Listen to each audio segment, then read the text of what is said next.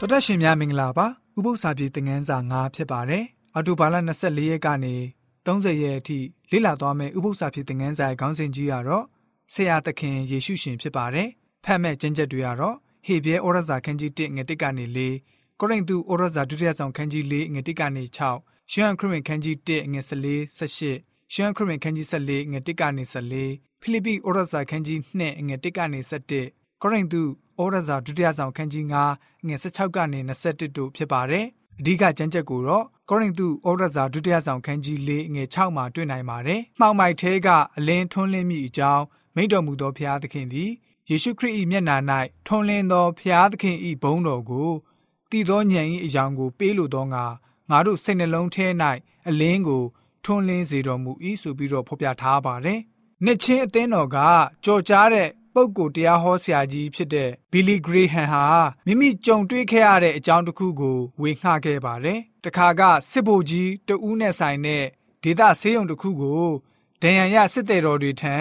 ဆရာကြီးဘီလီဂရေဟန်တွားရောက်အားပေးဆူတောင်းပေးခဲ့ဘူးပါတယ်။အဲ့ဒီဆေးရုံမှာဒဏ်ရာရရှိတဲ့ရဲဘော်လူငယ်တဦးကိုတွေ့ရပါတယ်။အဲ့ဒီလူငယ်ဟာတမဏိချောင်းတွေကင်ထားတဲ့အထူးပြုလုပ်စီမံထားတဲ့ကိရိယာပေါ်မှာမှောက်လျက်ထားထားပါတယ်။ ဒဏ်ရာကအင်မတန်မှပြင်းထန်ပါတယ်။အဲ့ဒီရဲဘော်လေးကိုစိုက်ကြည့်နေစဉ်မှာပဲဆရာဝန်ကြီးက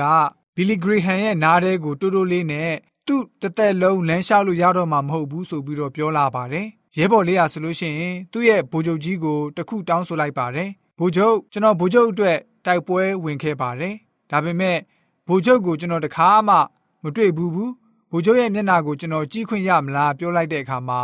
ဗိုလ်ချုပ်ဟာဆိုလို့ရှိရင်ချက်ချင်းပဲဒူးထောက်ပြီးတော့ရဲဘော်လေးကိုမှောက်ထားတဲ့တမဏိတန်းတွေအောက်ကိုသူ့ရဲ့ခန္ဓာကိုယ်ကိုရှို့ဝင်လိုက်ပါတယ်ပြီးတဲ့နောက်မှာရဲဘော်လေးနဲ့စကားပြောကြပါတယ်ဆရာကြီးဂရီဟန်စောင့်ကြည့်နေစဉ်မှာပဲရဲဘော်လေးရဲ့မျက်ရည်ဟာဗိုလ်ချုပ်ကြီးရဲ့ပါးပြင်ပေါ်ကိုကျသွားတာကိုမြင်လိုက်ရပါတယ်ခရစ်တော်မွေးဖွားလာတဲ့အချိန်မှာလူသားတွေရဲ့အခြေအနေကတော့တကယ်ပဲဒုက္ခရောက်နေတဲ့အချိန်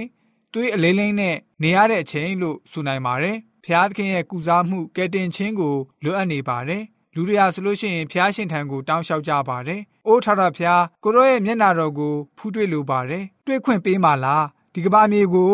သူ့ရဲ့သားတော်ကိုဆစ်လွတ်တော်မူခဲ့ပါတယ်။ခမဲတော်ဟာသူ့ရဲ့သားတော်ယေရှုရှင်ကိုဆစ်လွတ်တော်မူခဲ့ပါတယ်။လူသားတို့တည့်ရဲ့လုံးကိုမိမိရဲ့မျက်နာတော်ကိုပြသဖို့ဖြစ်ပါတယ်။လူသားတွေဟာအံ့ဘွယ်အခွင့်အရေးကြီးနဲ့ဖူးတွေ့ခဲ့ရပါတယ်။ ဒီတပတ်တာလုံးမှာတော့ဆရာသခင်ယေရှုရှင်ရဲ့အကြောင်းကိုလေ့လာသွားမှာပဲဖြစ်ပါတယ်ဆိုပြီးတော့ဥပုံနဲ့ဥပု္ပ္ပစာဖြစ်တဲ့ငန်းစာကဖော်ပြထားပါတယ်။